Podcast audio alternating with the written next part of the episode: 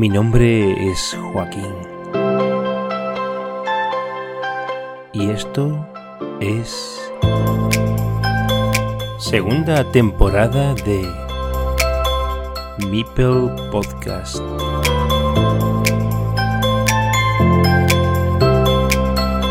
Welcome to Carcassonne.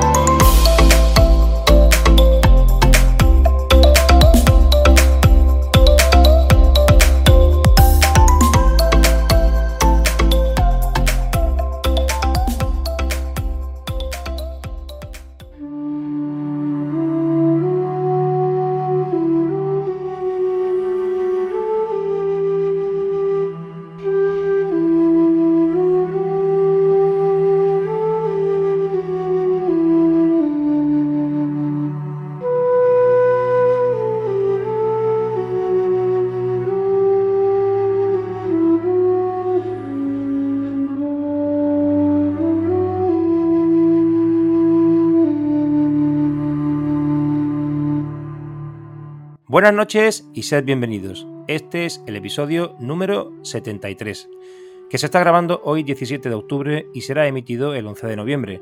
Es la primera entrada sobre las mini expansiones. Habrá otras, pero hoy presentaremos solo una parte de ellas, debido a la longitud que podría adquirir el episodio si se expusieran todas de una vez. Y hablando de nuestros ponentes, recuperamos de la mesa sobre las expansiones mayores a todos sus intervinientes. Javier Gómez, Rader en BGA, buenas noches. Buenas noches, ¿cómo estamos? Samuel Arroyo, Casul Loya en BGA, pero Doctor Mipel para los amigos. Benvingut. Buenas noches, Joaquín. Héctor Madrona, el eterno Mipeldron, agradecido de tu presencia con nuestros compañeros. Nada, buenas noches. Gracias a ti, Joaquín.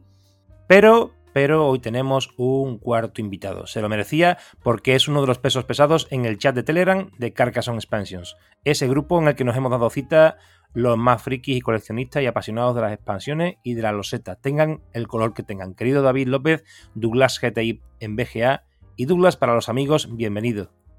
Buenas noches a todos y un placer estar aquí. Me alegro mucho de que estés aquí.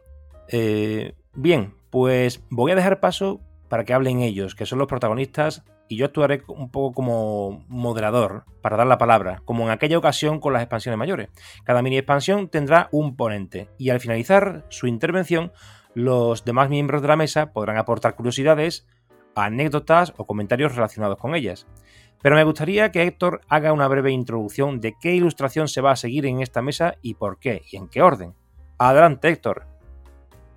Pues buenas noches a todos. En la sesión de hoy vamos a empezar a repasar las expansiones menores que empezaron a, nacer en 2001 y que se han ido sucediendo en el tiempo pues hasta ahora mismo que hemos tenido el lanzamiento de, las últimas. Estas expansiones pues han ido digamos acompañando a las ediciones de, de Carcassonne y vamos a empezar por orden cronológico pues por aquellas de la primera edición eh, que son las que tenían el estilo clásico que ya comentamos en, su día. ¿Vale? Y estas expansiones pues estuvieron produciéndose desde 2001 prácticamente hasta 2016. Otra cosa ya serán las diferentes expansiones de otras ediciones que veremos en días posteriores. Muy bien. Esta eh, ilustración de la que nos hablas, que nació cuando nació el juego de Carcassonne y se extiende hasta 2016, es la que conocemos como C1, ¿verdad? Correcto, es la edición clásica y que así por abreviar la hemos llamado C1. Pues vamos a empezar por ti, eh, con la mini expansión del río. Comenzamos. Venga, pues el río, la primera versión del río eh, fue publicada en 2001. ¿Vale? Que, bueno, en principio estaba disponible como para descarga, pero finalmente ya la adoptó Hansing Gluck y, la editó en plancha, incluso en una versión en cajita, y, básicamente esta expansión con otras versiones que eh, le sucedieron eh, proponen una alternativa al uso de la loseta de inicio tradicional. Básicamente esta expansión del río eh, contiene 12 mm, losetas diferentes que consisten en un nacimiento del río, 8, perdón, 12 losetas, tengo que rebobinar, eh, un nacimiento del río eh, seguido de 10 losetas que conforman pues el curso de un río y termina en un lago. ¿Vale? Básicamente, al final eh, lo que se va a hacer es que se colocan todas las losetas en una pila separando lo que es el nacimiento y el lago la loseta del nacimiento se pone en la mesa, las otras se ponen en una pila poniendo como última para robar lo que sería la del lago. Y los jugadores van robando esas losetas eh, en orden de juego normal hasta poner el lago y en ese momento es cuando empieza ya el juego con las losetas normales. Básicamente, eh, la colocación del río lo que va a requerir es que conforme se van robando esas losetas, se va continuando la forma del río. O sea, las losetas se colocan de tal manera que cada trozo de río se conecte con el siguiente. Hay, tramos rectos, hay tramos en curva y las únicas reglas que se exigen es que se continúe el río y no se genere ninguna eh, curva eh, que haga, un cambio de sentido, lo que en inglés llaman una, vuelta en U, de tal manera que no se encuentre eh, una loseta de río que se tenga que colocar tocando con otras losetas de terreno y puedan provocar situaciones en las cuales no se puedan colocar todas las losetas y haya que descartar alguna por el camino. Estas losetas, eh, al final, mientras se juegan, también se pueden colocar meeples de manera normal.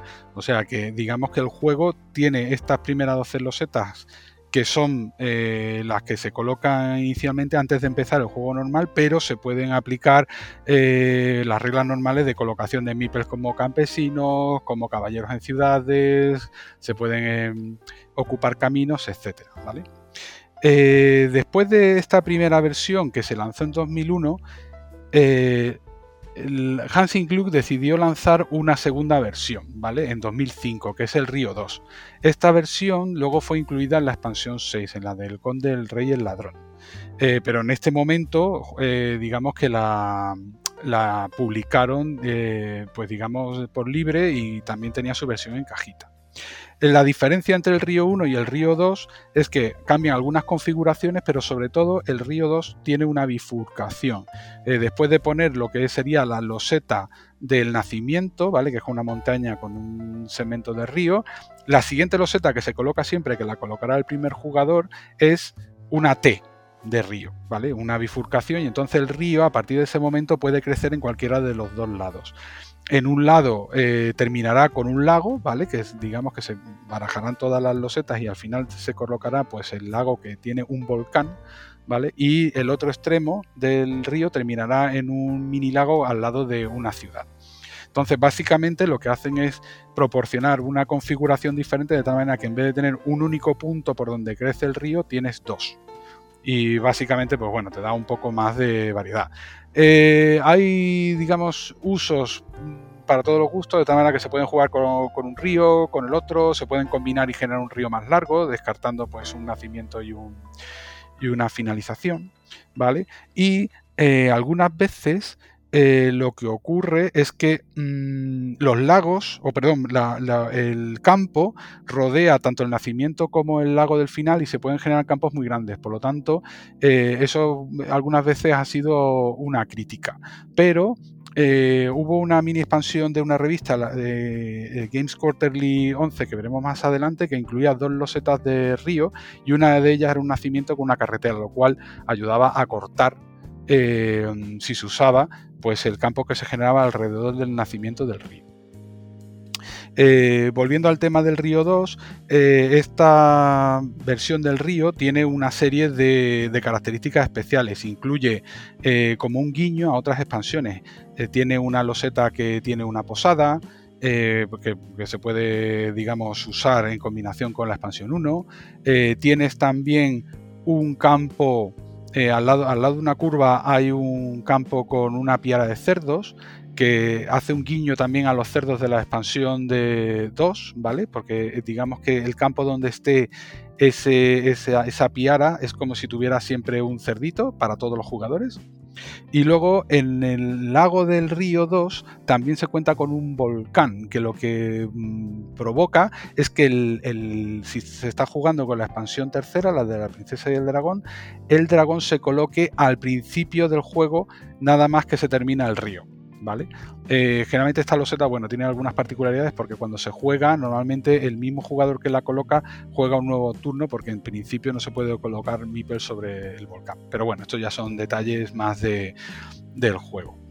Adicionalmente a todo esto, eh, hubo una nueva versión del río que se incluyó en, en lo que fue eh, la, la Plus 2014, ¿vale? Que incluye eh, ilustraciones alternativas en el río 1, ¿vale? En la versión original del río, que incluye dos eh, viñedos y dos ovejas que están impresas en las losetas y eso te ayuda digamos a, hacer un guiño a la expansión 9 cuando se está jugando pues con los monasterios o se está jugando con, con los pastores y las ovejas de tal manera que puedes tener ovejas adicionales en un campo y básicamente esto es un poco el resumen de todos los ríos de C1 muy bien. Eh, no sé si queréis hacer algún comentario alguno, que me hagáis alguna señal o algo y yo os doy paso. Eh, si no es así, pasamos a siguiente. Solamente quería hacer un comentario. Bueno, aquí tenemos a Samuel. Samuel.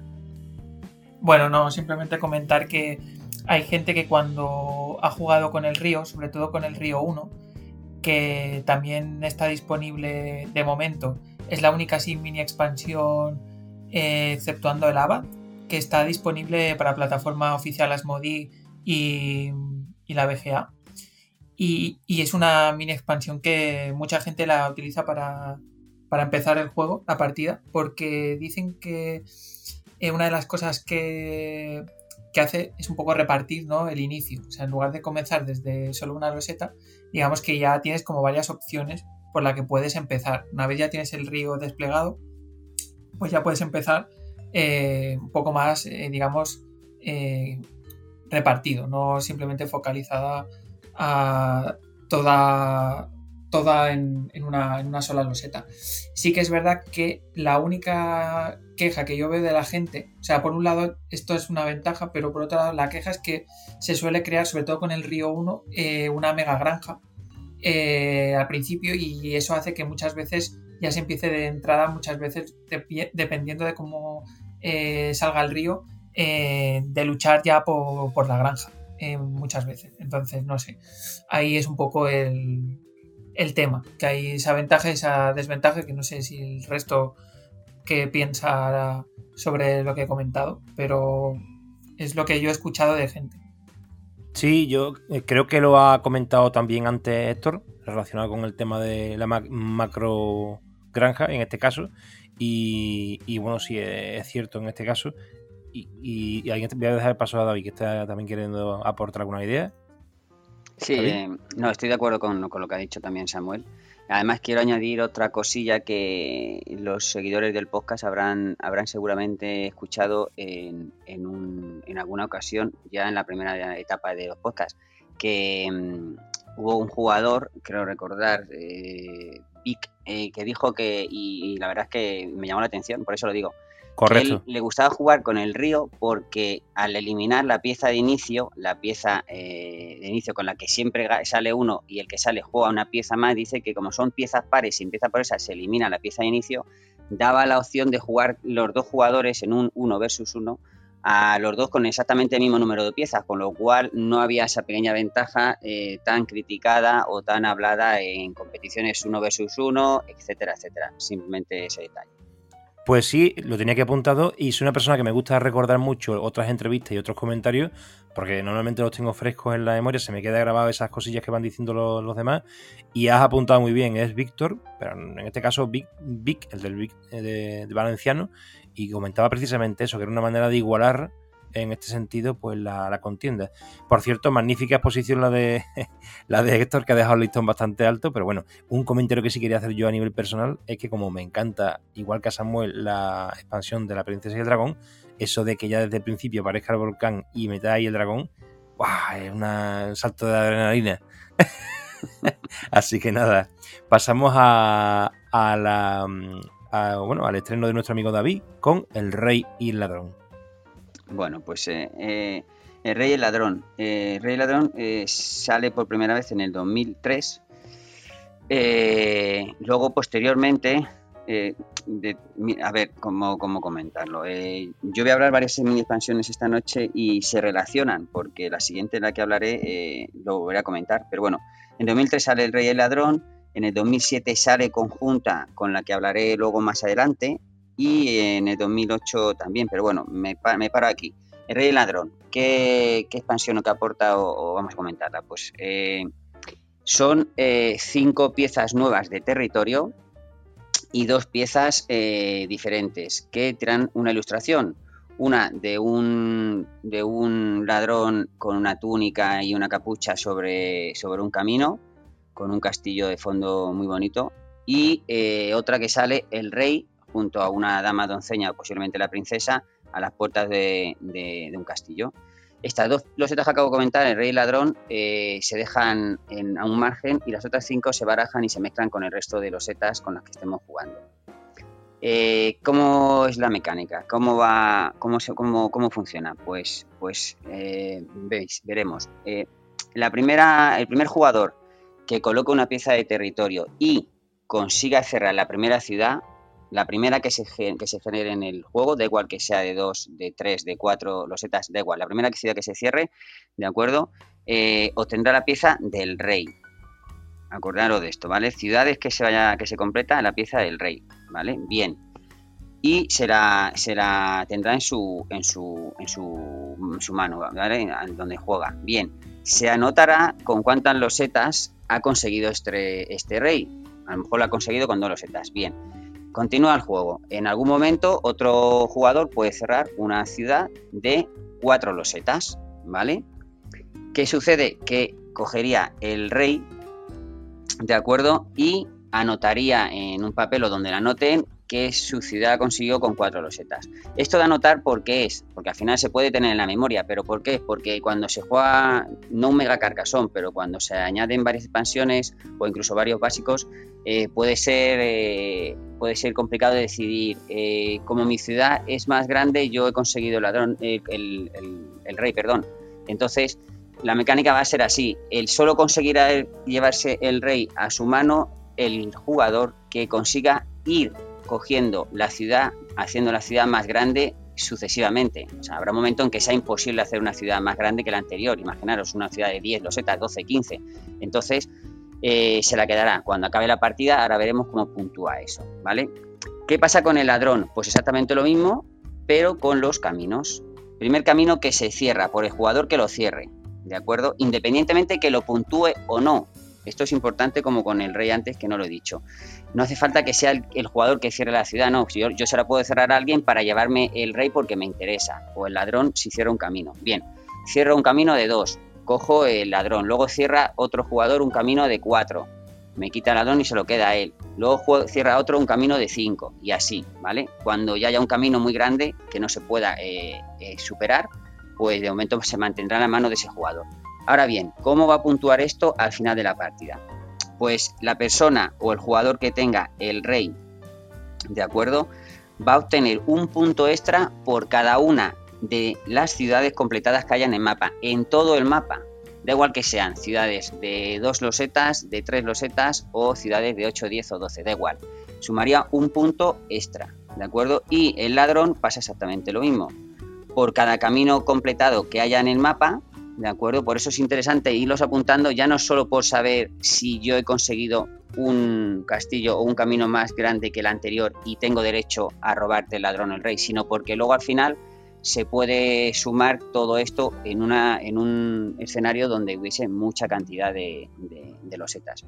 Entonces sumaría un punto más por cada camino que se haya completado en todo el mapa.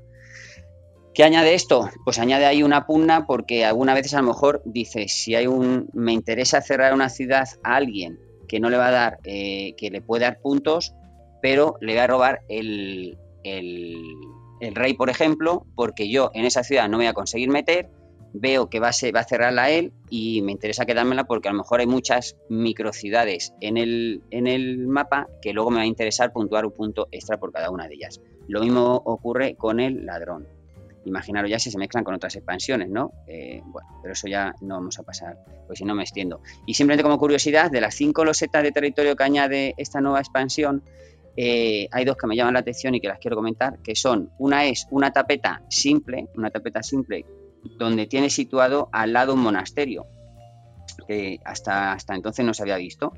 ¿Vale? Un monasterio, como un monasterio que está solo, de cuatro lados libre, pero uno de los lados tiene una tapeta. Y la otra, que me llama la atención, y es que combina un divorcio con un divorcio, pero a ver si consigo explicarme y lo podéis visualizar en vuestras mentes. El tuborcio, ya sabéis todos cómo es, pues en los lados verdes, ¿vale? Están metidas las dos tapetas del divorcio, pero unidas por una, por una pasarela, por un puente que está por encima del tuborcio, de tal manera que aquí puedes separar eh, cuatro ciudades o incluso unirse todas. ¿De acuerdo? Pero es una, es una pieza que me llama la atención.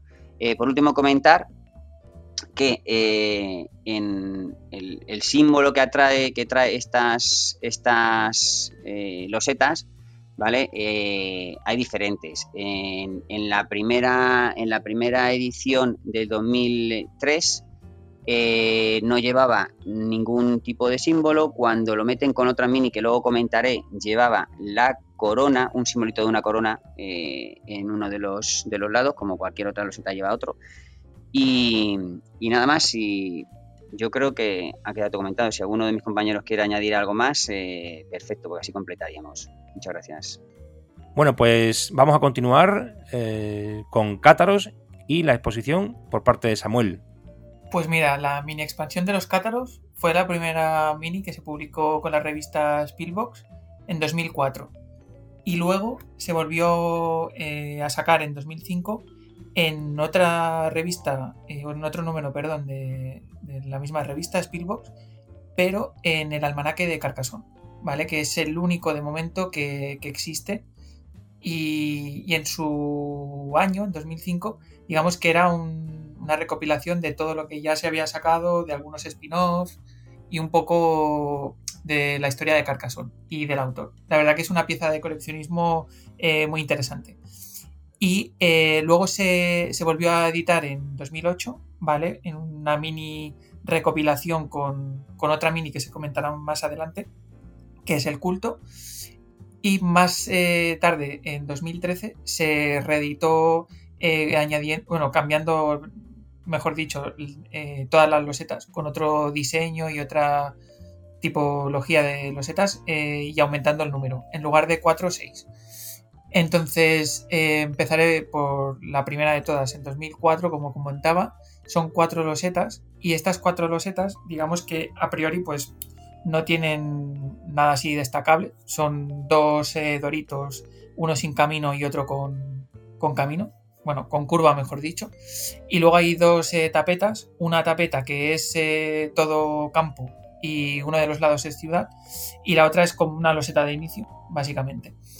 Eh, como cosa así distinta, en las ilustraciones todas las losetas tienen, digamos, eh, dibujos de, de, gente, de, caballeros y de, catapultas y tal, como intentando eh, conquistar o, invadir la ciudad. Entonces los muros también se ven como medio derrumbados y como si hubiera una mini guerra. La verdad que es bastante curioso. Y sí que es cierto que la primera edición, como estoy comentando, aparte tienen como un simbolito de, un monje, que ya comentaré qué significa. Y es curioso porque, aunque no tengan marca de agua, tienen como ese simbolito. Y a posteriori ya no se volvió a añadir de ninguna manera. Sí que se puso marca de agua en la de 2013, pero no se, no se mantuvo la marca de agua, como curiosidad. Y el reglamento, pues cómo funciona, es muy sencillo. Simplemente se utiliza, se mezclan con las losetas del básico en el caso que no se juegue con, más tipo de losetas. Y entonces, pues simplemente cuando te toca una, la colocas. Básicamente como cualquier loseta de Carcassonne. Entonces, ¿qué, ¿qué novedades o qué cosas nos otorga esta mini expansión? En principio, cuando tú colocas una loseta que tiene todo, este dibujo que comento, que es una loseta de asedio, ¿vale? Esta, esta loseta da varias peculiaridades a la ciudad. Cuando un jugador coloca esta loseta, ¿vale? Y eh, más adelante esa ciudad se acaba completando, esa ciudad, en lugar de. se le resta un punto a la puntuación eh, del, de, o sea, de cada loseta. Es decir, por, ejemplo, eh, de normal, una ciudad cuesta, o sea, vale dos puntos por loseta. En este caso se le tiene que restar menos uno. Es decir, cada loseta y cada escudo contarían un punto. ¿Vale? Es decir, por ejemplo, una ciudad cerrada de seis puntos, pues contaría tres en lugar de, de seis. ¿Vale? Eh, y luego, eh, en principio, eh, si se jugara con la expansión de la catedral, ¿vale? De posadas y catedrales, con la catedral en lugar de tres puntos por loseta y, y escudo, serían dos puntos, ¿vale? Se le restaría, siempre es restar un punto, ¿vale? Por loseta si es más, es menos lioso. Y luego, como comentaba al principio, que he dicho que tenían un simbolito de monje, esto significa que es posible ¿vale? Eh, un jugador que ya tenga un caballero en dicha ciudad y que esa ciudad contenga eh, una loseta de asedio, como mínimo, eh, puede escapar de la ciudad, si así lo desea, ¿vale? al final del turno de ese jugador. ¿Cómo puede escapar? En, el, momento en que haya un monasterio alrededor que está adyacente tocando las losetas de, dicha ciudad, ¿vale?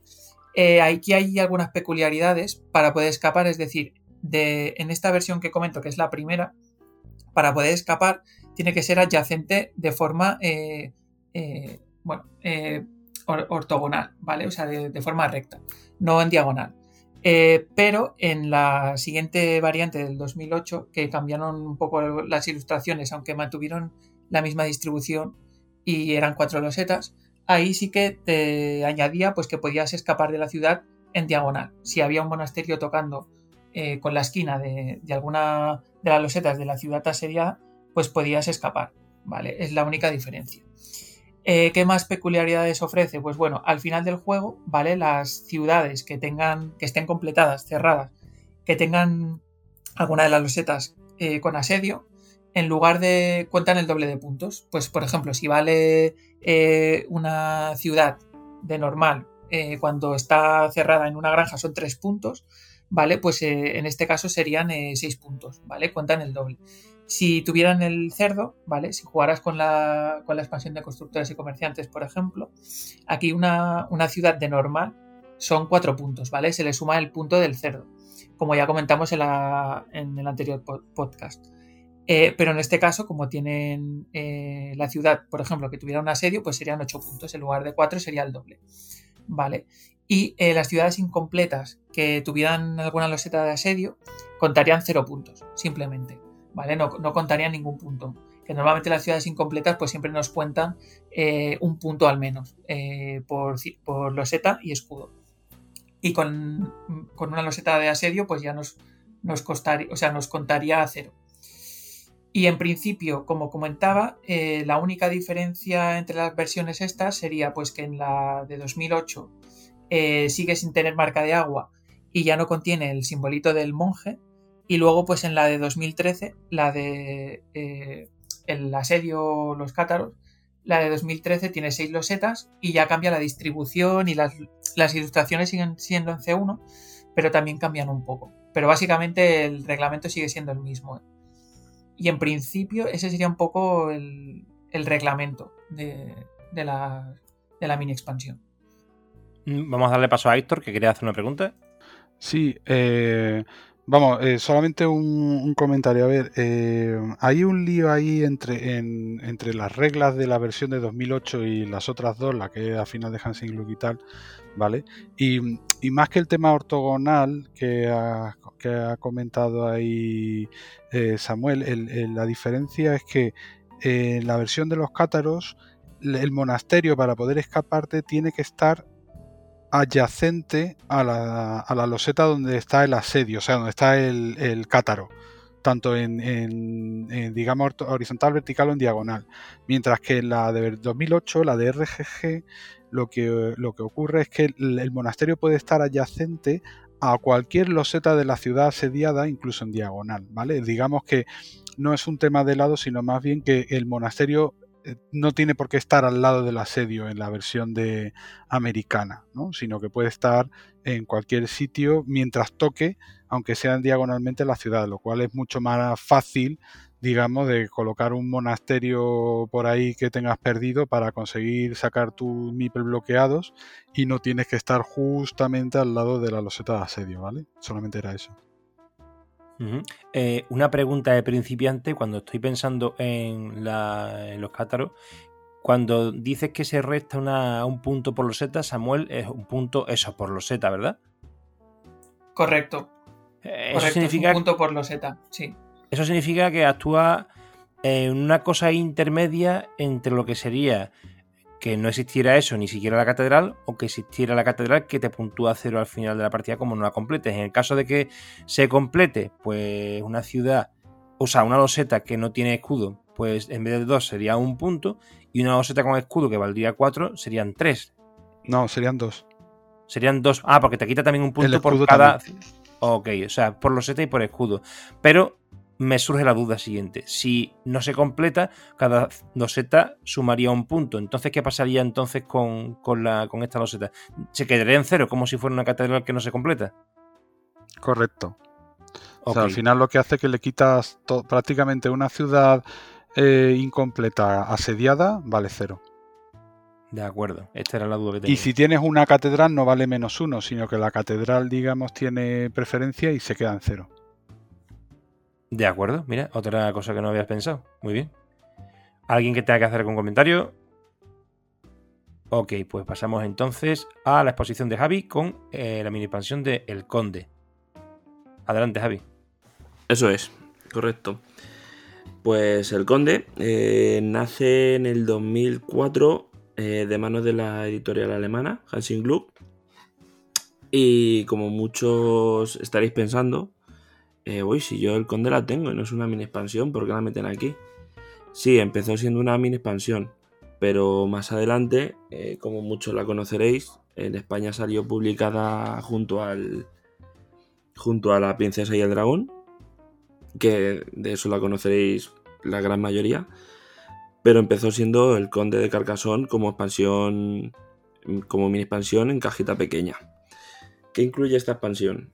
En esta expansión nos vamos a encontrar 12 losetas que van a sustituir a la loseta inicial, en la que se nos va a formar una, ciudad con distintos barrios en las que vamos a ir poniendo meeples y conde de una manera bastante especial. Además de las losetas, también nos va a venir un, un meeple, un, un monigote así en color morado, muy, muy gracioso. Y, ¿Y cómo funciona? Pues tiene, tiene sus peculiaridades porque eh, vamos a hacer uso de esta, de esta expansión eh, cuando consigamos cerrar eh, ciudades, caminos, monasterios de otros jugadores en los que nosotros no puntuemos y, puntúen los demás. En estas ocasiones es cuando nosotros vamos a poder poner el Mipel, nuestro Mipel, en la ciudad de Carcassonne. Eh, la ciudad va a estar dividida en cuatro barrios. Cada uno va a estar asociado a, un ladrón, es decir, a un camino, a un castillo, eh, a, un, una catedral y a un, y un mercado. Y según donde lo situemos, vamos a, poder, vamos a poder moverlo a un sitio a otro cuando nos toque. ¿Cuándo, podemos, ¿Cuándo vamos a poder mover este, este MIPEL en el momento en el que se cierre una ciudad, un camino o una catedral, o en el caso de una granja al final de partida. ¿Cómo, ¿Cómo, funciona este movimiento? En el momento en el que se cierre, el jugador de la izquierda del jugador que ha puesto esa loseta para cerrarlo, o cerrarlo o finalizar, el, el monasterio y todo, y cualquier camino cualquier ciudad, va a poder decidir si mover los meeples que tiene en la, ciudad de Carcassonne para rellenarlos en esa ciudad eh, o en ese camino para así poder puntuarse los puntos. ¿Para qué funciona el conde?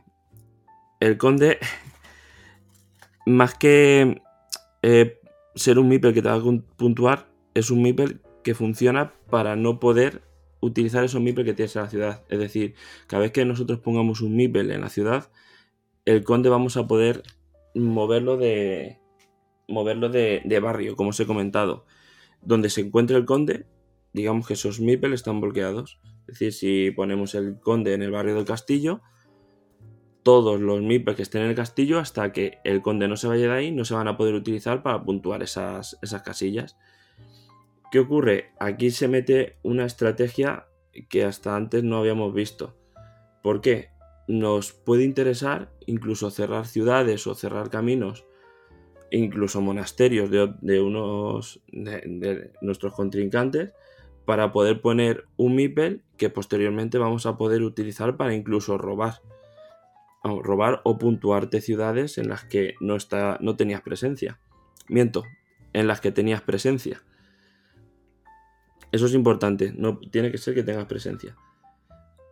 Y, esto es todo. Mm, más adelante, mm, estas 12 losetas, como os he comentado, iniciales, que todas están, eh, digamos, eh, con su numerito para que las coloques en, una posición concreta.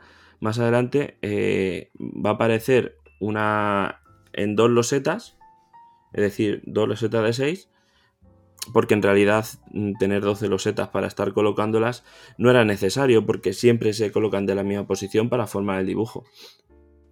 Más adelante salió esto con esta diferencia pero con las reglas totalmente idénticas. Y eso es así contado por encima esta expansión. Básicamente la expansión del conde eh, que está dividida en el caso de C1 por 9 losetas, como has comentado. 12. ¿Se, colocan todas de golpe o, se va poniendo por turnos? No, no, no. Se, colocan, se colocan al principio, en vez de una loseta inicial, tienes 12 losetas iniciales. Las tienes que colocar al principio. Más que nada, mm, no es como el río que puedes decidir si mover un, moverlo hacia la izquierda, hacia la derecha o ponerte en un sitio o en otro. Aquí simplemente es un el dibujo de una ciudad, es decir, eh, tiene una posición sí o sí y tú no puedes colocarte en, esa ciudad, simplemente te puedes colocar cuando ya esté montada, que la partida ya habrá empezado. Sí, porque me voy a adelantar. Eh, después sale la versión de C2 en la que esta ciudad de Carcassonne, eh, en la que se mueve el conde y aparecen Meeples, esa ciudad ya es una loseta completa que en realidad tiene la misma dimensión que nueve losetas individuales, pero ya es una única loseta eh, que se coloca ahí. Supongo que será por tema de impresión, harían las nueve losetitas y ahora al final pues hacen una loseta única que ocupa las nueve losetas iniciales. Será así, más o menos, ¿no? La idea. Si no me equivoco, si no que me corrijan, eh, en 2015 aparece, pero aparece como dos losetas de seis. No, no, la de 2015 es una loseta de C1 de 3x4 ¿vale? Que sigue un poco, mm. pues eh, yo creo que eso se habían inspirado en lo que hicieron los rusos para su edición. Y la de C2 son dos uh, losetas de 2x3, que esas son las que, que, vamos, que al final es lo mismo. En, C1 lo que pasa que obviamente esto ellos, lo sacaron en una cajita y tú tenías que poner las 12 losetas. Entonces por detrás eh, son losetas de inicio con los números del 1 al 12 y lo vas colocando en plan puzzle pero lo colocas, vamos, como todo de golpe, es como si fuera una única plancha. Por eso luego buscaron soluciones un poco más rápidas porque era un poco engorroso ahí ordenar las losetas, ponerlas y tal. Y de hecho mm, hay instrucciones en C1 para combinar, por ejemplo, la ciudad de Carcassonne con el río. Puedes arrancar el río ahí o de la rueda de la fortuna, o sea que, que tenía una visión mucho más de combinar cosas en C1 que en C2, que ahí ya dijeron que mejor y lo ah, que. Sí, perdón. Sí, que solamente quería hacer un, comentario también antes que. Eh, esta expansión es curiosa porque, eh, digamos que te permite ocupar incluso eh, ciudades, monasterios, caminos que estén desocupados. O sea, si tú completas ese monasterio que no ha podido nadie poder colocar un MIPEL, si tú tienes un, un MIPEL en el barrio de la catedral, lo puedes Plum lanzar y dejarlo caer como paracaidista en un monasterio recién completado.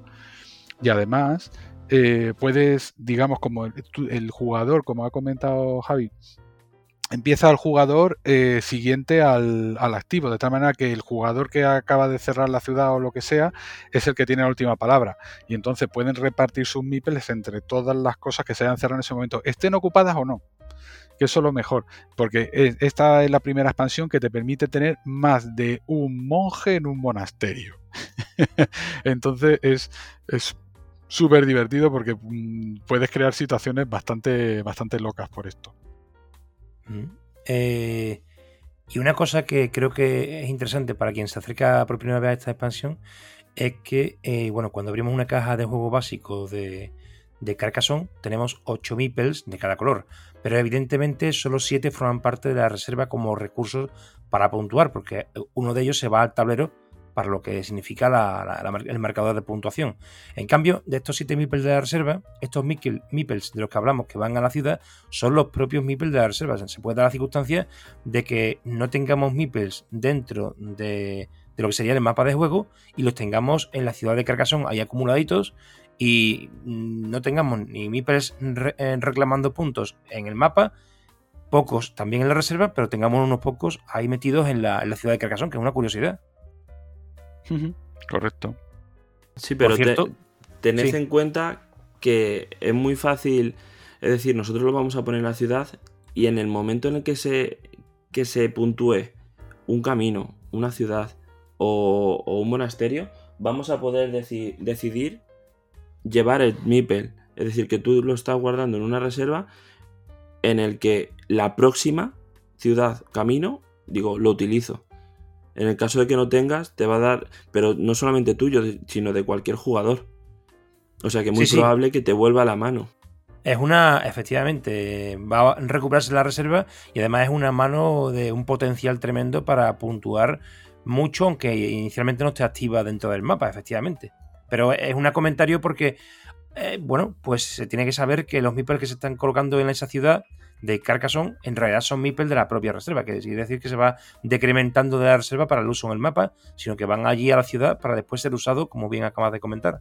Y además, por cierto, no hay losetas de, juego en esta mini expansión, sino que estas losetas que forman parte de la ciudad de Carcassonne es un inicio nuevo de, de Carcassonne, que también lo había comentado. Correcto. Tenemos, tenemos dos, personas que quieren también comentar algo. En este caso vamos a darle el paso a, a David. Perdón, Samuel. No, simplemente comentar que en, esta mini expansión, precisamente por lo que comentaban mis compañeros, eh, la gracia es jugarla por lo menos cuatro personas o cinco o seis, porque contra más jugadores más, más, más chicha se le saca. Porque esta expansión yo creo que está pensada también eh, poco para paliar pues, eh, pues lo que pasaba cuando juegas, por ejemplo, al básico con cinco jugadores, que apenas mm, podías puntuar cosas porque o te quedabas, eh, tienes menos turnos y no podías hacer muchos puntos. Y de esta manera te da más opciones. Eh, a, pesar de igual no poder tener un monasterio o que los monasterios le toquen a otro, según cómo te lo montes y ya le tengas pillado un poco el truquillo a la expansión, como decía Héctor, pues puedes hacer que, vale, no me ha tocado un monasterio a mí, pero si, si le cierro esto a este otro, yo me coloco en la, en la catedral y luego pues más adelante pues eh, puedes eh, puntuar ese monasterio que, tiene otra persona que tú querías, ¿sabes? Entonces es un poco eso. Héctor. Sí. Eh, bueno, estamos aquí hablando del juego básico, pero imagínate cuando aterrizas, por ejemplo, con el MIPEL grande que puedes romper, por ejemplo, el equilibrio en una ciudad, ¿sabes? No compartirlo, incluso quedarte con algo que tuviera otro y que ha estado luchando y tú lo has dejado ahí en paracadista, un MIPEL. Luego, otra cosa que, es bastante curiosa con esta expansión es que mm, el mismo mecanismo que se ha seguido durante la ciudad para durante el juego para eh, ocupar ciudades y todo eso eh, al, terminar la partida antes de hacer el recuento final lo haces con los campos ¿Vale? Entonces eso quiere decir que esto es como un arma de destrucción masiva cuando estamos al final de la partida para revisar, digamos, el equilibrio de campos que ha habido durante la partida. durante, en C1, por ejemplo, sí se permitía eh, también eh, antes del final de la partida los meeples que quedasen en la ciudad de Carcassonne repartir pues los que están en el castillo mandarlo a, a, las ciudades que estuvieran abiertas los que estuvieran en la herrería pues se los manda al a, caminos y luego, pues bueno, los que quedasen en monasterios y tal. O sea que, que podía repartir todos los MIPEL, mientras que luego ya lo veremos en C2, se, limita, se ha limitado solamente a los campos. Entonces es una cosa que ahí hay una pequeña diferencia entre ediciones. Bueno, pues vamos a pasar a la expansión de Games Quarterly que le va a presentar Héctor. Uy, esta expansión es muy complicada. Esta expansión me va a llevar por lo menos 20 minutos. A ver, básicamente esta es una expansión que sacaron en la revista Games Quarterly, ¿vale? Y que consiste en 12 losetas, eh, pero básicamente casi que no tienen reglas. Son losetas normales que tienen, eh, bueno, y dos de río, que ya las comenté antes cuando estuve comentando el tema de los ríos. Y lo gracioso de esta expansión es que básicamente lo único que hacen es proporcionarte configuraciones de losetas que no habían salido hasta el momento. Entonces, pues tenemos pues un tubo con un camino, un tubo con dos caminos, una misma loseta que tiene una, un dorito y, una tapeta y un camino. O sea, cosas de estas así que, que rompen un poco el esquema normal. Hay una, por ejemplo, que muy curiosa, que es como un dorito pero el Dorito tiene un pico que provoca un divorcio de campos. ¿Vale? De tal manera que, ya empezamos a ver picos y cosas de este estilo que surgieron en algunas expansiones mayores, pues se van aquí, eh, digamos, aprovechando. Tienes, por ejemplo, un divorcio que cruza por un camino. Eh, entonces, básicamente, la única regla, aparte de la de los de los ríos, que el río tiene el nacimiento con el con eh, la casita y la carretera que corta el campo de alrededor. La única loseta que ha sido un poco polémica en esta expansión es un campo que hay, que es todo campo, ¿vale? Lo que sería un monasterio en el juego básico, pues imaginaos, una loseta de campo, campo, campo, campo, que lo que tiene es una piara. Y entonces ha habido grandes discusiones a lo largo del tiempo diciendo a ver si esto era una piara como la que comenté que había en el, en el río 2 en una de las curvas del Río 2. Pero hablando con los editores de Río Grande Games, de RGG, ellos comentaron que realmente es una decoración y que no funciona como una piara, o sea, no funciona como un cerdito para todos los visitantes o todos los, campesinos que estuvieran en ese campo. Entonces, pues nada, eh, no mucho más que contar. Samuel. No, simplemente lo que decía Héctor de, de la piara que no es piara, eh, mucha gente pues eh, la utiliza, se supone que oficialmente no, no está considerada como piara igual que la del, Río 2, pero bueno, yo por ejemplo eh, las veces que la he utilizado, la he utilizado como piara normal, porque si no, ah, para mí se me queda, me queda solo decorativo, no, no, no me gusta. A mí me gusta más como piara, obviamente. Ahora la, acumulas con, el, con la otra piara.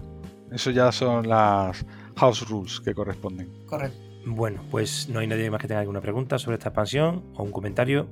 Vamos a pasar a la siguiente que la expone David. Heréticos y altares. Pues heréticos y altares, también, también se llama herejes y altares, ¿vale? Em, esta, esta mini expansión sale en el 2007 conjunta como con la que he comentado yo, el rey el ladrón, eh, que además no tienen marca al agua. Son cinco losetas nuevas de territorio que ahora describiré. Bien, en el 2008, esta misma expansión, el culto, ya llamada el culto, eh, no herejes ni, ni, culto, ni altares, eh, la saca una revista Spielbox, almanaque de Hansing Gluck, eh, conjunta con otras seis losetas de este Stone Age, ¿vale? Promocionales. estas cinco losetas del culto, en este caso, o herejes y, altares, sí que llevan una marca de agua que es un pentágono, un pentágono tal cual, de cinco lados, ¿vale? Y además, eh, también saldrá esta expansión, esta mini expansión, perdón, el culto, eh, conjunta con una que luego comentará, comentará ahora va después de mí eh, Samuel, que va conjunta con otras dos ¿vale? Entonces, bueno, pues que ahí sí que añade una loseta más que ahora comentaré yo cuando acabe, ¿vale? Bien, el culto, eh, cinco nuevas piezas de territorio. Las piezas, el dibujito es, es, es, bonito, la verdad es que es una cosa curiosa. Es como, como un pequeño cerro, ¿vale? Un montículo en mitad de un campo. Eh, imaginaros similar a un, monasterio, ¿vale? Pero en medio de una construcción, pues un montículo natural, rodeado de arbolitos, con una única entrada, que es como una especie de arco de piedra flanqueado a ambos lados por unos pedestales con unos, unas hogueras, ¿vale? Podría ser un, pues eso, un culto perfectamente pagano. Bien, eh, debajo el, el, arco hace un caminito que va serpenteando hasta lo alto del, del cerro, que es donde está, digamos, el, altar, ¿vale? Por eso también se llama altar. ¿de acuerdo? Es un pedestal de piedra con, con pues similar a, las imágenes que muchas veces te encuentras por España, se me ocurre ahora el Camino de Santiago entre una piedra metido ahí excavado medio, medio cilindro con una imagen religiosa, pues igual, pues con una figura. Eh, es difícil poderse imaginar qué querían representar porque al final se ve dentro un pequeño monigote, pero bueno, eh, eso es lo que viene a representarse el, el, culto, el altar, ¿vale? Bien, cinco piezas nuevas de territorio, similares, ya digo, a los monasterios. Una que es simplemente el culto, cuatro lados verdes, otra, el, eh, otra con tres lados de campo y una tapeta, otra que atraviesa un camino de lado a lado de arriba abajo, otra que eh, llega un camino y muere en él, similar al monasterio, a los dos monasterios del básico, y otra que, igual la que acabo de comentar, llega un camino que muere en el, en el culto, en el altar, y con una tapeta en el lado contrario. Bien, Reglas, reglas de esta mini expansión.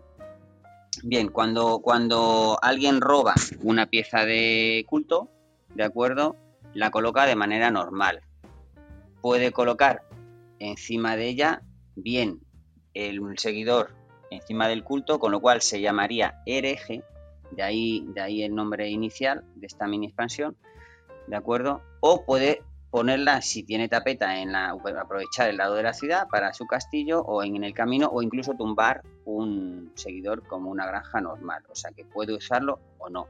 Bien, ¿qué pasa o dónde está lo gracioso, ¿no? O lo, interesante de esta, de esta mini expansión? Cuando coloco el culto adyacente por cualquiera de los de los eh, ocho lados junto a un monasterio bien en horizontal, bien en vertical y bien también en diagonal, ¿de acuerdo? Yo coloco esta pieza que me sale a mí del altar, lo coloco junto a otro monasterio donde había un seguidor de otro, de otro contrincante y yo coloco ahí mi hereje. Entonces, en ese momento se produce lo que se llama eh, reto de fe. ¿En qué va a consistir esto?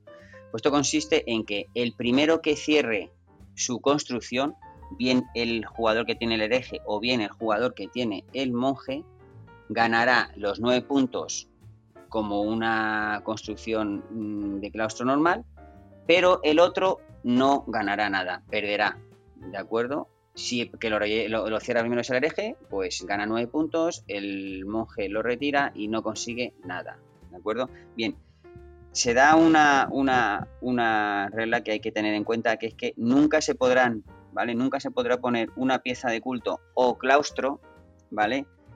Que dé como resultado a otros dos o más claustros ocultos. Me explico. Hay dos monasterios colocados y yo quiero colocar el culto de tal manera que toque a los dos. No se puede hacer, esa, eso está, está prohibido, porque el reto de fe solo se puede producir entre dos construcciones. Un, altar con su hereje y un monasterio con su monje. acuerdo? Igual que si yo tengo colocado el claustro sin nada, me sale, lo coloco, coloco el ahí, me sale al siguiente jugador un monasterio, ¿vale? Lo coloca. Pero si ya he colocado dos claustros porque más sale de mí y no quiero hacer ningún reto de fe y quiero cerrarlo de manera natural, pues no podría colocarlo si toca los dos. Siempre tiene que ser uno versus uno a la hora de cerrar. No tiene más, más, más misterio, ¿vale? Lo único que, como he comentado, en la siguiente expansión, mini expansión que va a comentar eh, Samuel, añadía una loseta extra, ¿vale? Una loseta extra del, eh, del culto, que es eh, muy parecida a las otras, pero simplemente pues el camino va en, vez de un sentido, va en otro sentido. Una tapeta por un lado, campo por otro y un camino que atraviesa de lado a lado el, el, altar. O sea, es básicamente como una de las otras, pero son seis losetas. Y además, en esta mini expansión que va con que va la sexta loseta extra, no hay tampoco marca de agua. Marca de agua solo la llevaba la, la que salió en la revista de Hansing Look en Speedbox de 2008. Y esto es todo. Si alguien quiere comentar algo, esto creo que quiere decir algo. A ver. Nada, una anécdota más, bueno, sí, una cosa, un detalle muy tonto. A ver, cuando está en marcha un reto de fe, eh, generalmente al final acaba con que uno u otro termina su construcción y entonces se desaparecen los dos meeples. Si por, por cualquier motivo alguno de los dos meeples en el monasterio o en el sitio de culto desaparecen durante el reto, véase por ejemplo que pasa el dragón por allí o pasa alguna cosa, el reto se interrumpe y ya se completará el monasterio o el, o el lugar de culto normalmente, ¿vale? Solamente eso. Y yo quería preguntar eh, si, por ejemplo, un hereje le gana la partida al monje, el, hereje se retira cuando consigue los nueve puntos y, el, el, monje ya no puede conseguir los nueve, pero tiene que completar para poder ser recuperado eh, para la reserva, ¿no? No, se eliminan los dos.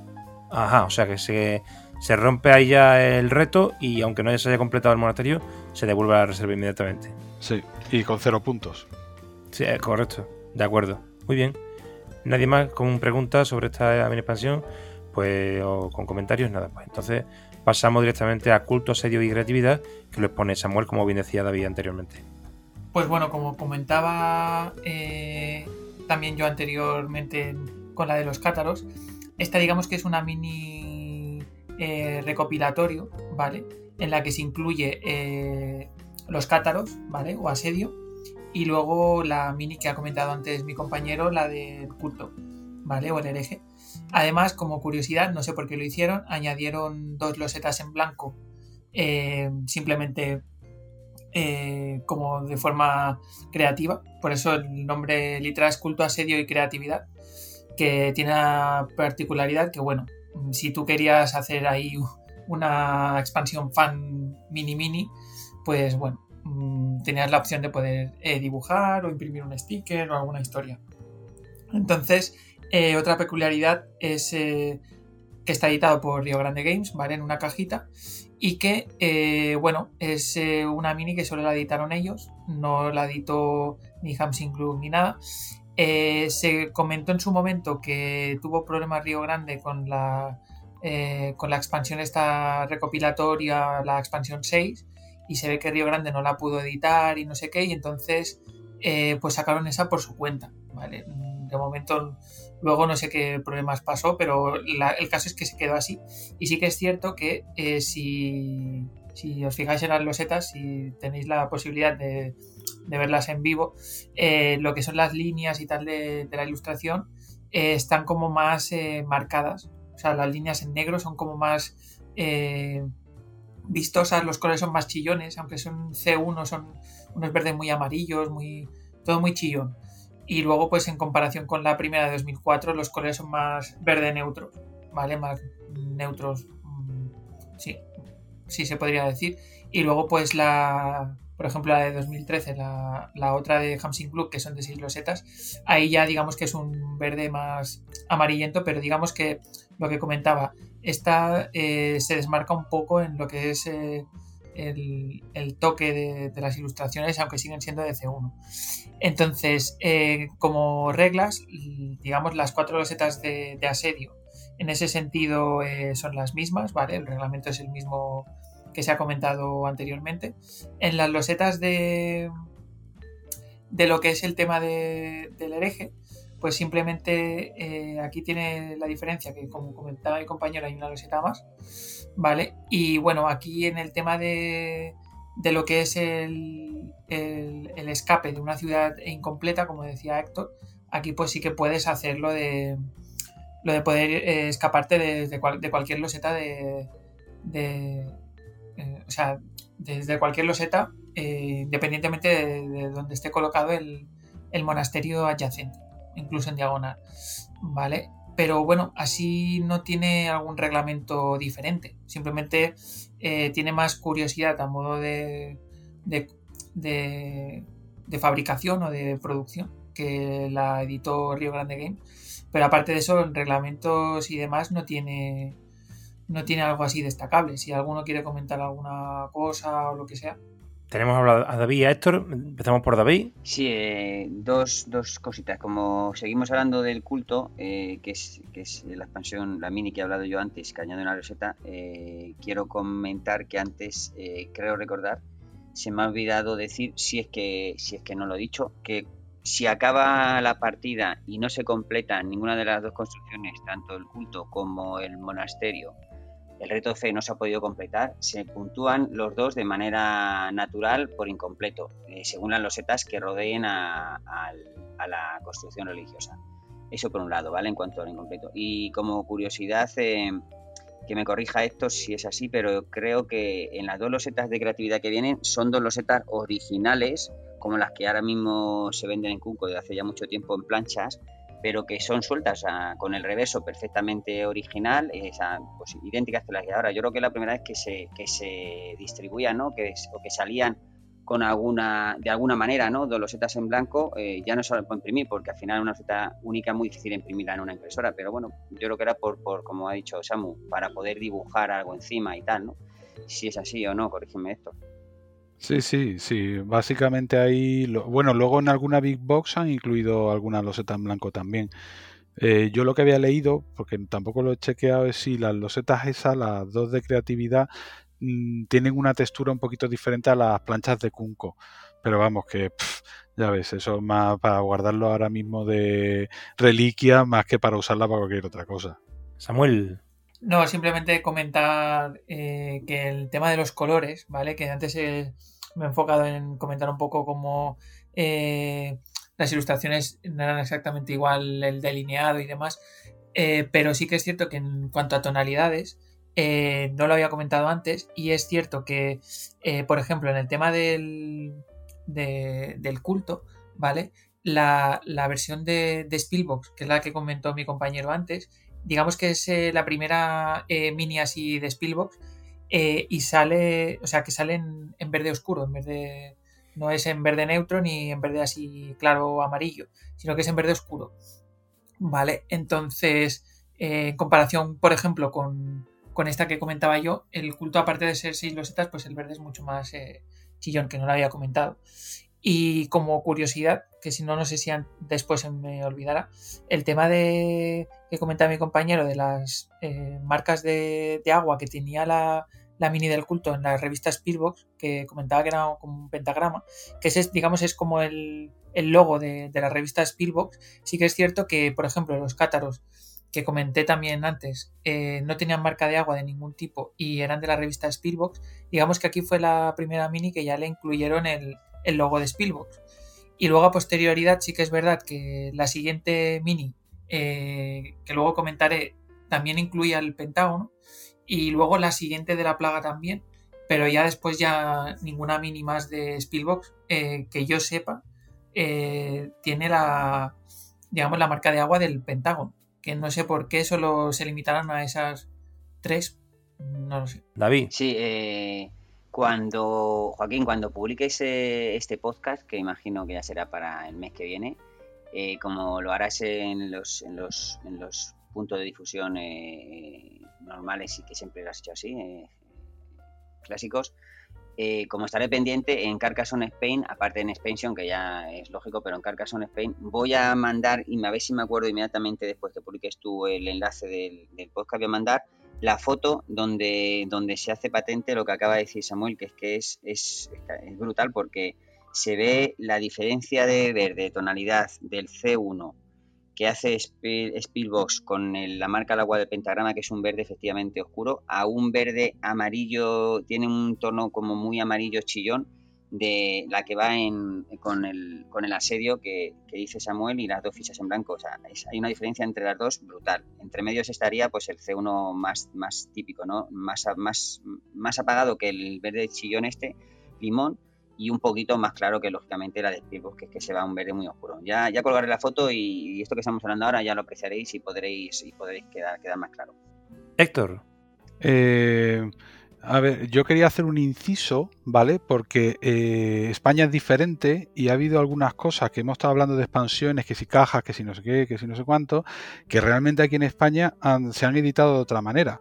¿Vale? Entonces, digamos que hasta aquí hemos cubierto como unas cuantas expansiones, unas cuantas minis que, en España salieron, digamos, eh, de BIR no las editó igual que en Alemania, ¿vale? Entonces, básicamente, se ha comentado, eh, Javi comentó el tema del conde, pero quería dar una foto un poco de resumen, ¿no? Entonces, el Río 1 de C1 David lo incluyó como con la expansión, expansión con Posadas y Catedrales, con la expansión 1.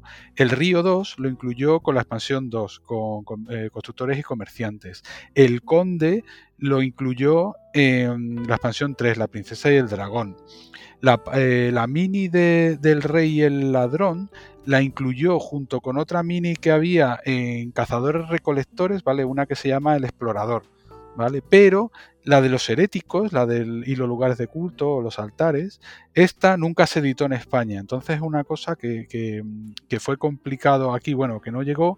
Y como ya había Hans eh, de Beer publicado todas estas diferentes partes, nunca sacó eh, la expansión 6, que es la combinación de Río 2, el Conde, el, Rey y el Ladrón y los Heréticos, nunca lo llegó a publicar como una expansión mayor. Y de hecho ha pasado lo mismo y en C2 tampoco lo ha hecho. ¿vale? Entonces era solamente comentar eso, que aquí debido a ese descuadre que hubo, digamos, por dar expansiones extras en las expansiones mayores, pues nos quedamos sin expansión 6. Bueno, pues pasamos con el túnel que lo pone Samuel. Pues esta mini expansión salió en 2009 con la revista Spielbox y eh, consistía en cuatro losetas distintas y luego 12 eh, fichas de túnel 12 tokens eh, de cartón, también del mismo eh, tipo de que las eh, losetas, y también incluían, como comentaba antes, el símbolo de, digamos, de Spielberg, que es el pentagrama. Entonces, bueno, pues con estas cuatro losetas sí que es verdad que, bueno, mm, la única peculiaridad que tienen es en, el centro, digamos, de, dichas losetas, tienen como, digamos, unas entradas de túneles, ¿vale? Entradas y salidas. Entonces, bueno, eh, todas, digamos, tienen camino en los lados, exceptuando uno de, ellos, ¿vale? Por ejemplo, hay dos losetas que tienen, eh, uno de los lados es ciudad, eh, luego una, por ejemplo, tiene una T, que en el centro, digamos, está, contienen tres túneles. la otra que comentaba que tiene también un lado de ciudad tiene, digamos, dos túneles en el centro y en ambos lados eh, camino. Y luego en la parte de abajo tiene campo. Y luego, por ejemplo, hay una que digamos que es el tipo de loseta que podríamos decir una curva. Lo único que en lugar de ser continua tiene, eh, digamos, en el centro pues dos túneles también. Digamos que es como que separa en dos. Y luego, por, último, tenemos eh, otra, otra T, ¿vale? Entonces, eh, en principio, eh, ¿cómo funciona eh, el tema de, bueno, de, esta mini expansión? En principio, se mezclan con las losetas del básico de las, de las expansiones y demás que juguemos. Entonces, cada jugador cogerá de dos tokens de, su color. ¿vale? En función del número de jugadores, sí que es verdad que, por ejemplo, si jugáramos solo dos, podríamos usar hasta tres juegos. ¿vale? De, digamos, de, fichas de túnel.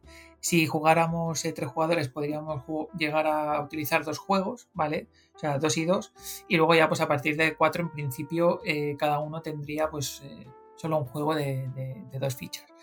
Entonces, ¿cómo se colocan estas fichas de, túnel? Pues en principio las losetas de, túnel, cuando sale una, pues tú la colocas en el tablero siguiendo las reglas normales de Carcassonne y ya está. Eh, entonces, el tema del token tú lo puedes colocar en, cualquiera de las losetas que tengan dichos túneles, ¿vale? Que ya estén en el tablero o justo la que te acaba de salir, ¿vale? Eh, pero sí que es verdad que solo puedes colocar un token eh, por turno. O sea, si tienes dos o más, no puedes colocar eh, 50.000 tokens en el mismo turno. En principio es eh, un, túnel, o sea, un token por, turno, ¿vale? El orden en principio no, hay un orden claro, o sea, es decir, primero coloco MIPE, luego coloco el token, en principio el token lo puedes colocar al principio de tu turno, al final, cuando quieras. ¿Y qué hace este token? En principio, si, como decía antes, tú tienes unos colores asignados, si tienes solo un juego de fichas, ponte que coges el, el juego de dos tokens eh, rojos. Pues, eh, y lo colocas en una loseta con un túnel. Eh, digamos que ese túnel sigue estando incompleto. Lo único es que la continuación de ese camino seguirá en otra loseta donde esté, o en la misma loseta, donde esté otro túnel que contenga el otro token de ese mismo color rojo. Por ejemplo, imagínate que, que, hay un camino y eh, yo eh, coloco esa, eh, una loseta de túnel continuando ese camino. Entonces decido colocar un token de los míos en ese túnel, en dicho túnel. Y ponte que ahí ese camino está, ya lo tengo yo reclamado, ¿vale? Continuaría estando incompleto. Entonces, luego, pues en turnos posteriores y demás, en otra loseta de túnel en otro sitio, eh, que yo coloque eh, el token, mi token, el, otro rojo, pues ahí a partir de, ese punto continuaría mi camino. ¿Vale? Entonces, ¿cuándo se completaría un, camino de estos? Pues cuando se cerrara, digamos, eh, definitivamente como cualquier, siguiendo las reglas de Carcassonne normal. Es decir, un camino se cierra cuando llega un cruce que no, que no continúa, por ejemplo, o al final de en un monasterio que tiene camino, o en una ciudad que, con camino, por ejemplo. Entonces aquí las combinaciones pueden ser eh, bastante locas, porque eh, puede ser que continúe, o sea, que se entremezclen los tokens de colores, entonces esta expansión suele ser bastante liosa a la hora de jugar para poder visualizar un poco el camino, porque se va recortando, o sea, entrecortando, que si ahora eh, llega hasta aquí, que si ahora te tienes que ir al otro lado del tablero porque continúa con este token que es del mismo que estaba en el otro punto del tablero. Y la verdad que en ese sentido eh, los caminos es un poco así. De a nivel espacial, a mí me gusta, pero hay gente que le marea un poco el, tener que estar mirando, pues eh, ahora cómo continúa este camino, porque claro, como aquí se corta y el otro túnel está en la otra punta, pues según si juegas con muchas expansiones y demás, pues el tema de, y si ya no te digo, pues mezclarlo con posadas y catedrales o con el constructor o yo qué sé, que empiezas a hacer ahí eh, y se pueden hacer eh, caminos bastante locos. Eh, sí que es cierto que, aparte de, esto que comento, eh, hay otras expansiones, por ejemplo, la princesa y el dragón, que tiene una loseta con, un túnel, que en principio el túnel pasa por debajo del campo y es continuo, que no es que el camino se corte. Y luego hay otra loseta en la abadía y el alcalde, que es lo mismo, pasa por uno de los caminos pasa por campo y el otro eh, camino, eh, digamos que atraviesa una ciudad y en principio es continuo. Pero si estás jugando con el túnel, puedes utilizar estas y con estas expansiones puedes utilizar los tokens para colocarlos en las entradas de esos túneles y entonces a, partir de esa colocación, digamos que el camino pierde la continuidad y entonces pues tú ya, eh, digamos que tienes que continuar el, camino donde esté el otro token del mismo color y así. Y luego, pues, por ejemplo, eh, sí que podría darse si está jugando con el rey y el ladrón. Es verdad que ahí, por ejemplo, sí que se podría dar la situación que a lo mejor se están quedando como un camino que a priori eh, no es muy largo, pero a lo mejor eh, una persona coloca un toque que conecta con, con, otro lado de con otro camino que tiene el mismo color, ese mismo token, y se hace un mega camino súper largo. Entonces, en ese momento, el jugador que coloca ese token pues ya automáticamente, aunque no sea una loseta, que solo sea el token, eh, obtendría, digamos, el, token o la ficha de, del ladrón por tener en ese momento el camino más, eh, más largo. Y bueno, en principio, eh, eso es un poco el resumen, porque ya os digo, visualmente es así explicado puede ser bastante confuso, pero es una expansión que yo creo que necesita bastante visual, o sea, tener las losetas con los tokens y tal, con ejemplos para poder eh, acabar de, visualizar los caminos con los tokens y los túneles y conectar este camino con el otro y tal. Pero bueno, este sería un poco el resumen para que os hagáis una idea. David. Eh, sí, yo a modo anecdótico, además, como, como creo que hablé un día contigo, Joaquín, em, decir que es una de las, es, una de las minis mm, actualmente más difíciles de conseguir, mm, no porque no exista, porque haya muy pocas, sino por, por el elevado precio que, que, hay que pagar por ella si quieres la quieres en original, o sea, eh, la auténtica. Entonces, bueno, pues comentaros que, que estamos hablando de precios eh, por encima de 90 dólares eh, en Estados Unidos, 90 euros en zona Europa incluso 70 libras en zona Inglaterra, en BGG. Que a lo mejor la consigues por ahí si tienes suerte o negocias o en eBay pujas y tal, pero vamos, que, es una expansión para cuatro fichas, como ha comentado Samuel, y 12 tokens, eh, estamos hablando de que es un precio elevado. Pero bueno, al final los coleccionistas, pues eh, yo, yo como curiosidad, llevo con ella menos de, pues creo que 6 o 7 meses,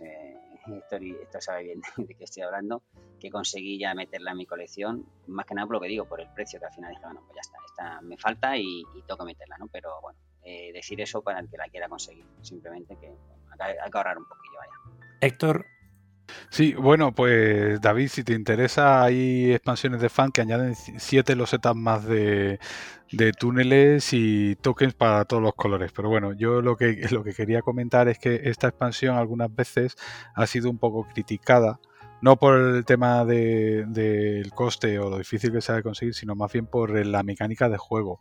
Porque digamos que te facilita el crear situaciones en las cuales, por ejemplo, imaginaos, tengo en un camino un MIPEL grande y de pronto le conecto un túnel y el túnel conecto la entrada pero nunca la salida. Y ese MIPEL no hay manera de recuperarlo. Porque en, otros casos, pues... Eh, digamos, salvo que tengas algo de estilo como el dragón o la fiesta o alguna de estas, eh, ese, eh, si tú no pones el segundo token que lo tienes tú, no hay manera de, completar esa carretera ni recuperar esos mipeles. Entonces, pues bueno, hubo ahí comentarios en la BGG que estuvieron hablando con el creador de la expansión, Chris War Conrad, y él no había pensado en ese tipo de cosas y estuvo sugiriendo algunas variantes, pero tampoco llegó a concretar nada. ¿no? Entonces, en algunos foros consideran que la expansión esta está un poco rota por ese tema, ¿no? porque puedes provocar unas situaciones de las cuales no, hay salida y se puede usar muy malignamente, aunque bueno, te afecte a, a carreteras solamente.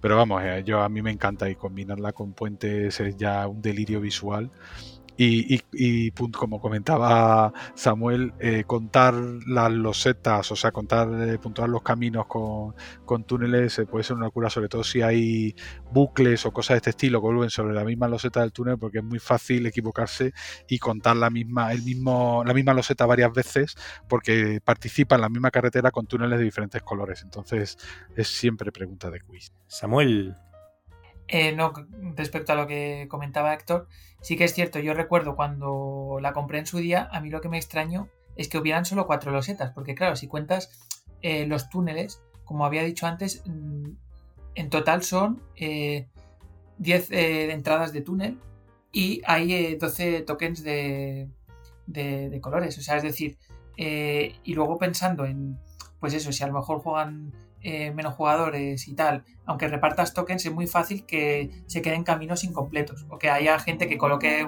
el token de, entrada, pero el token de salida no puedas colocarlo en ningún sitio. Te quedes ahí un poco, pues que digas, entonces ahora qué voy a hacer.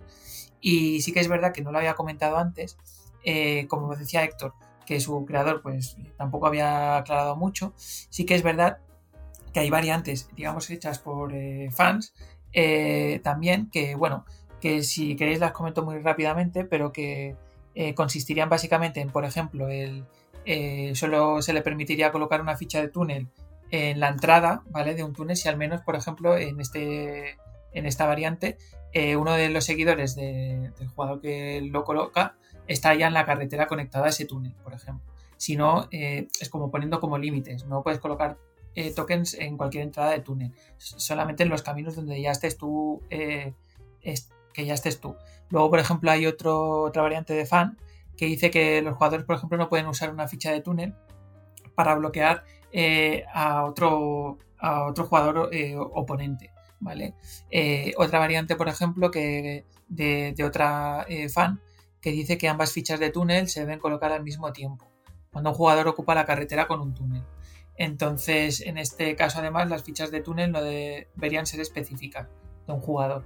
Y luego, pues la que comentaba Héctor, que es el, digamos, el Chris Ward Conrad o como se diga, que es el, creador, él simplemente comentaba que el jugador que esté afectado eh, puede robar la segunda ficha de túnel y colocarla inmediatamente durante su turno, ¿vale? Si el, digamos, el jugador que tenga la ficha no, no aprovechó al menos una oportunidad para colocarla.